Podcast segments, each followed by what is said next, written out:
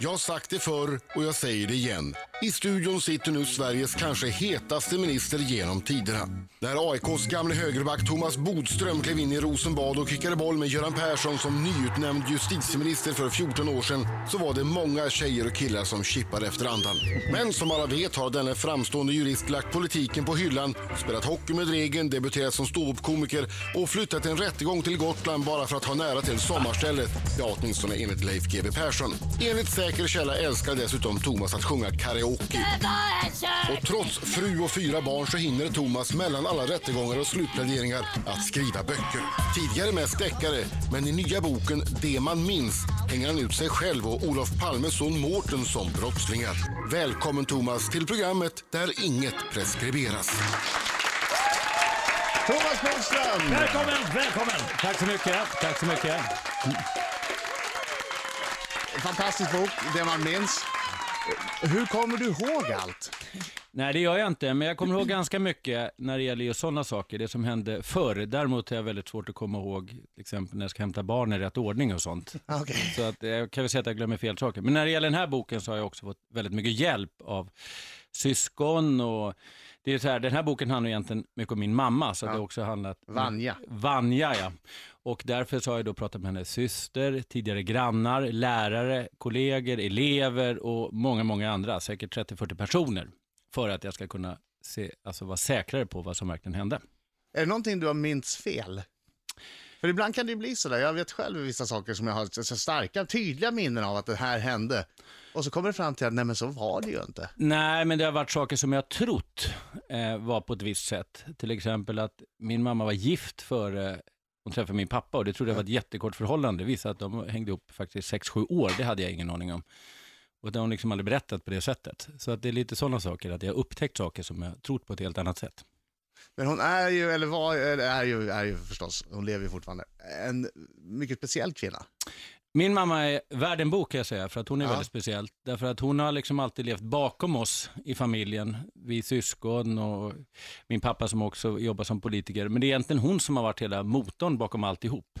Och hon är den person som har betytt mest av mig för, av alla människor. För hon har alltid liksom itutat mig att jag, ingen är bättre än mig på någonting. Så jag har haft ett mycket större självförtroende än motsvarande min talang faktiskt, vad jag nått på med. Så jag har trott att jag är bättre, men det har varit väldigt bra att ha de där orden från mamma. Så att det, hon är absolut värd en bok och en väldigt, väldigt speciell person. Nu har hon ju blivit sjuk, tyvärr, så hon har ju Alzheimer, men eh, man får minnas henne på det sätt hon var en gång och den kraft och det engagemang som hon hade. Men det var ju, men det var ju inte bara det, hon, ju, hon var ju väldigt egen eh, då på den tiden. Där hon till exempel sa att du skulle få ett körkort om du slutade röka. Ja, samtidigt som hon sa så här, jag rökare är lite roligare människor än andra, det är därför det står icke-rökare i rökrutan jämt. Så det, var, det var liksom typiskt för min mamma. Det, Och, och, och det är liksom, dubbla budskap skulle Ja, man kunna väldigt säga. mycket dubbla budskap. Och hon var en av dem som liksom gav mig en flaska vin när jag var 16 år och sånt där, som, som ingen av mina kompisar fick, eh, som jag själv aldrig skulle göra faktiskt, mina barn. Men, Var det eh, inte till och med så att en av dina polare blev eh, alkoholförgiftad efter att ha druckit ert vin? jo, 78 på, på, 77 var det på Gröna Lund, på Valborg. Och det slutade förskräckelse, han fick åka ambulans till, till sjukhus. och- Nej, och, det är ju inget att skratta Nej, det var, åt, förlåt. jo, nu kan man skratta åt det. Men det så var, sen var det ju då eh, Lärde sig mamma Vanja något av det? krismöte. Ja. Nej, det var krismöte dagen efter med, med den här Peters mamma och min mamma. Och min syrra råkade lite illa ut för hon hade köpt ut lite mellanöl. Men min mamma tog ett så allvarligt på det där. Hon sa bara, det var inte du som åkte dit i alla fall. Så att, jag vet inte vad det här har med mig att göra. Skön, inställning. Hundraprocentigt lojal med sin son. Ja, ja, visst. Det var, inte jag, det var ju andra som var sämre än mig. Liksom. Men konfronterade kompisens mamma din mamma med att hon hade delat ut vin? Ja, nej men det var inte hon som hade delat ut. Vi hade, vi hade snott det i, i, Aha. Det var- hemma hos oss. Var det hemgjort? Nej, det var inte hemgjort. Det var, var pappa Lennart. Dit vi hade fixat ihop en sån här stor en och en halv liters flask hem. Men det här att hon inte köpte, du vill ha nya hockeygrejer, du vill ha Ja. nya hockeyklubbar, då fick du ingen, men hon kunde köpa sig själv. Hon har shoppat hela sitt liv och eh, har, har liksom lurat min pappa i alla år faktiskt på att eh, allt har varit på rea fast hon har köpt ganska dyra kläder. Och det där gick ut över oss, pengarna räckte inte. Därför tyckte hon till exempel att det var helt onödigt att man behövde ha olika hjälmar i, i hockey och i slalom. Så att när jag åkte slalom var jag tvungen att ha hockeyhjälm. Men hon var väldigt, hon var väldigt, till- Jag sa träna till att, min mamma att det är liksom bättre säkerhet att ha en skidhjälm i, i skidåkningen. Då fick jag en till slut. Hon var väldigt orolig samtidigt. Hon stod i päls och... Ja, just Dyra det. importcigaretter. Och så fick jag en hockeyklubba som var vinklad åt fel håll. Så det var left och jag skjuter right och då sa hon, nej men det får du väl lära dig. Precis. Ja, men hon var fantastisk alltså. För att, eh, och det har varit väldigt roligt också. Och inte minst nu när den här boken har blivit känd så har jag fått massa mail från gamla då, el- elever som har haft den och sånt. Hon var en, faktiskt, eh, man får säga var, hon lever ju och så vidare. Men, men i sin krafts dagar så var hon verkligen en, en fantastisk människa. Thomas Bodström har skrivit en ny bok, Det man minns, eh, som handlar om eh, hans egen uppväxt förstås, men också om eh, mamma Vanja i stor del. Det är en fantastisk bok. Marco, du hade en, en helt annan fråga. Ja, faktiskt. Eh, Du jobbar ju som advokat, eller Ja. ja. Du har alltid jobbat som advokat egentligen. Eller du har Till och från. grund. Ja, just Ja. det, precis. Eh, Känner du att eh, det finns vissa lagar så här som du eh, genomförde, eller hjälpte dig genomföra, hade som, eh, som idéer då, som justitieminister, som du ångrar idag när du jobbar som advokat för att det försvårar ditt arbete, eller som du känner att fan det där känns inte, det där borde jag inte ha gjort. Mm, Ganska mycket som jag borde ha gjort, eh, mycket hårdare. Saker som jag också tog upp men misslyckades med och blev lite lurad kan jag väl säga. Till exempel att folk sitter med restriktioner väldigt länge i häkte. Det var ju någonting jag tog upp både med rikspolischef och riksåklagaren och de liksom, jag tror att de fintade bort mig lite. Nej men sa- vadå, vad, vad innebär det? Jo, att man sitter så... O... I Sverige är så här, vi har ju långa häktningstider, men det har man nästan alla länder. Ja. inget- Men i, i Sverige är det väldigt speciellt att man sitter med restriktioner. Man är alltså isolerad och avstängd. Du får inte ha Ja, ja, internet. ja. och det är vi, alltså, vi har många flera som är isolerade och det där kände jag förstås till, så det tog jag upp. Men jag lyckades liksom inte åstadkomma någonting och det retar mig idag när Ja. jag var som advokat. För Men det hade inte menar- varit så jäkla svårt egentligen. Du menar att det inte påverkar rättssäkerheten så mycket? Nej, det är klart att det finns många fall som man kunde göra så de inte behöver vara isolerade. De kan sitta tillsammans, flera stycken som kanske inte har med samma mål att göra. Det är ganska enkelt och där hade jag, det var ett klart misslyckande faktiskt. Helt onödigt, att det påverkar inte liksom att eh, målen utreds. Men eh, just nu verkar det inte finnas någon större vilja någonstans faktiskt om det. Men jag, jag hade chansen men misslyckades faktiskt. Ja. Du sa också Mm. att du blev lurad. Ja, så därför att de tog ju upp det. De hade, nej, nej, inte alls. Men både polis och åklagare tycker jag, det är ju inte deras hjärtefråga om man säger så.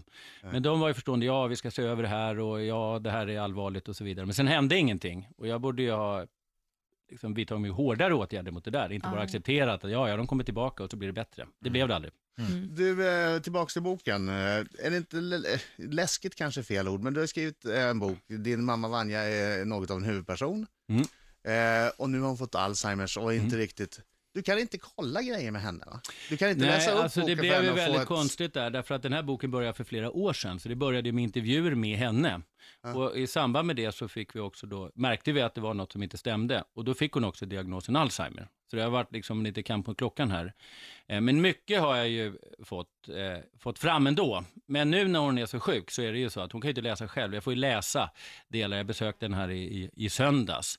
Hon är väldigt glad över att hon fått en bok Ja. eh, fortfarande. Men man kan ju inte säga att hon, hon förstår allting i den. Hon kan Men- inte läsa själv. Och du kan inte heller få ett, ett som du kan lita på, ett eh, det här är fantastiskt Thomas, tack så mycket. Det här är riktigt, det här är den sanna historien. Nej, jag får ju gå lite på den person som ändå känner så väl. Och är det någonting som min mamma inte hade gillat, det var att man hade smusslat undan till exempel hennes sjukdom. Hon var aldrig sen att tala om liksom, när någonting var fel eller när hon, inte, när hon var orolig för oss och inte minst för mig och så vidare. Det berättade hon för alla sina vänner och så vidare. Så att hon har aldrig varit den här som försöker sopa saker under mattan. Varför sa hon alltid att du hade, eh, var ful? Hon sa, ja det är faktiskt väldigt märkligt eftersom hon alltid tyckte att jag var eh, mycket bättre i allting annat, utom just utseendet. Där sa hon hela tiden så här att det var så synd om mig för jag hade fått hennes tunna hår och hennes fula näsa, tjatade hon alltid om. Jag tittade i min spegel och tyckte, ja det var väl inget speciellt med den, men jätteful är den väl ändå inte. Men, men hon var alltid mån om att jag inte skulle gå kring och tro att jag liksom såg bra ut. Jag vet faktiskt inte varför hon, hon Du har ju Ja, inte särskilt tunt hår heller. Nej, inte nu. Jag nej, har nej. tunt hår. Så- så här Ja, det- Men, Så här hon ser var tunt hår alltid, ut. Mona, men då la hon alltid till också hur mycket viktigare det var att man liksom hade andra egenskaper och så vidare. Så det var, man kan inte bara säga att hon gick runt och sa att jag var ful, utan det Nej. handlade alltid om att det var andra saker jag var bättre på. Ja, ja, ja. Ja, Och det det var var inte så viktigt utseendet, det var det hon liksom tog. Thomas Bodström är här, han har skrivit en ny bok. Eh, Ja, jättebra bok. Och ett fantastiskt persongalleri. Man, man tänker att de här människorna kan inte finnas på riktigt, men de gör det. Det är morföräldrar och farföräldrar och mycket, mycket speciella människor. Eh, Thomas Bodström är också en speciell människa. Ryktet går ju att du eh, varje sommar på Fårö, eh, när du har fått en, en öl kanske, kastar dig upp på scen och sjunger karaoke. Ja, eller gjorde i alla fall. Men, men det var fina tider. Vadå det var gjorde? karaoke på det. Har du slutat? Ja, alltså alla har slutat faktiskt. Det var några år sedan. Det var 500-600 pers där, minst. Det är ingen som sjunger längre på Fårö alltså. Nej, det är liksom några 5-6-åriga barn som går upp och sjunger Aha. för sina föräldrar. Så Det är ju inte samma sak. Vilken är Det är din inte bästa samma- karaoke-låt? Det är staten och kapitalet. Och Den är därför har du texten Intressant. framför dig på Ja. Staten och kapitalet. Ja, Ja. jag förstod att ni visste det. Så jag tänkte, eh, vad sägs om att vi kör refrängen då? Ja, refrängen är värd. Den är härlig. Jag tror Bra. vi hjälper till eh, Ja, allesammans. här. Thomas, du måste ställa upp. Du kan inte Ja. sitta ner. Nej, det är sant. Nej. Bra. Här var, här Och var så- proffs. Så bra. Och Skönt så att ha proffs. slipsen, slipsen på huvudet då. Ja. Som du brukar Thomas. Ja, just det. Efter klockan, efter midnatt. Sida vid sida. Sida vid sida, tillsammans hjälps de åt. Bra Thomas! Staten och kapitalet, de sitter i samma båt. Fast det är inte de som ror, som ror så svetten lackar. Och pisken som kittlar, kittlar inte heller deras feta nackar. Ju bra låt. det där. Va? Den är... Du hörde att jag sjungit den förr? Ja, det där var inte första gången. Fast jag fick ju hjälp här av, av proffset. Men jag vet inte om Thåström gjorde den där dansen som du gjorde. Nej.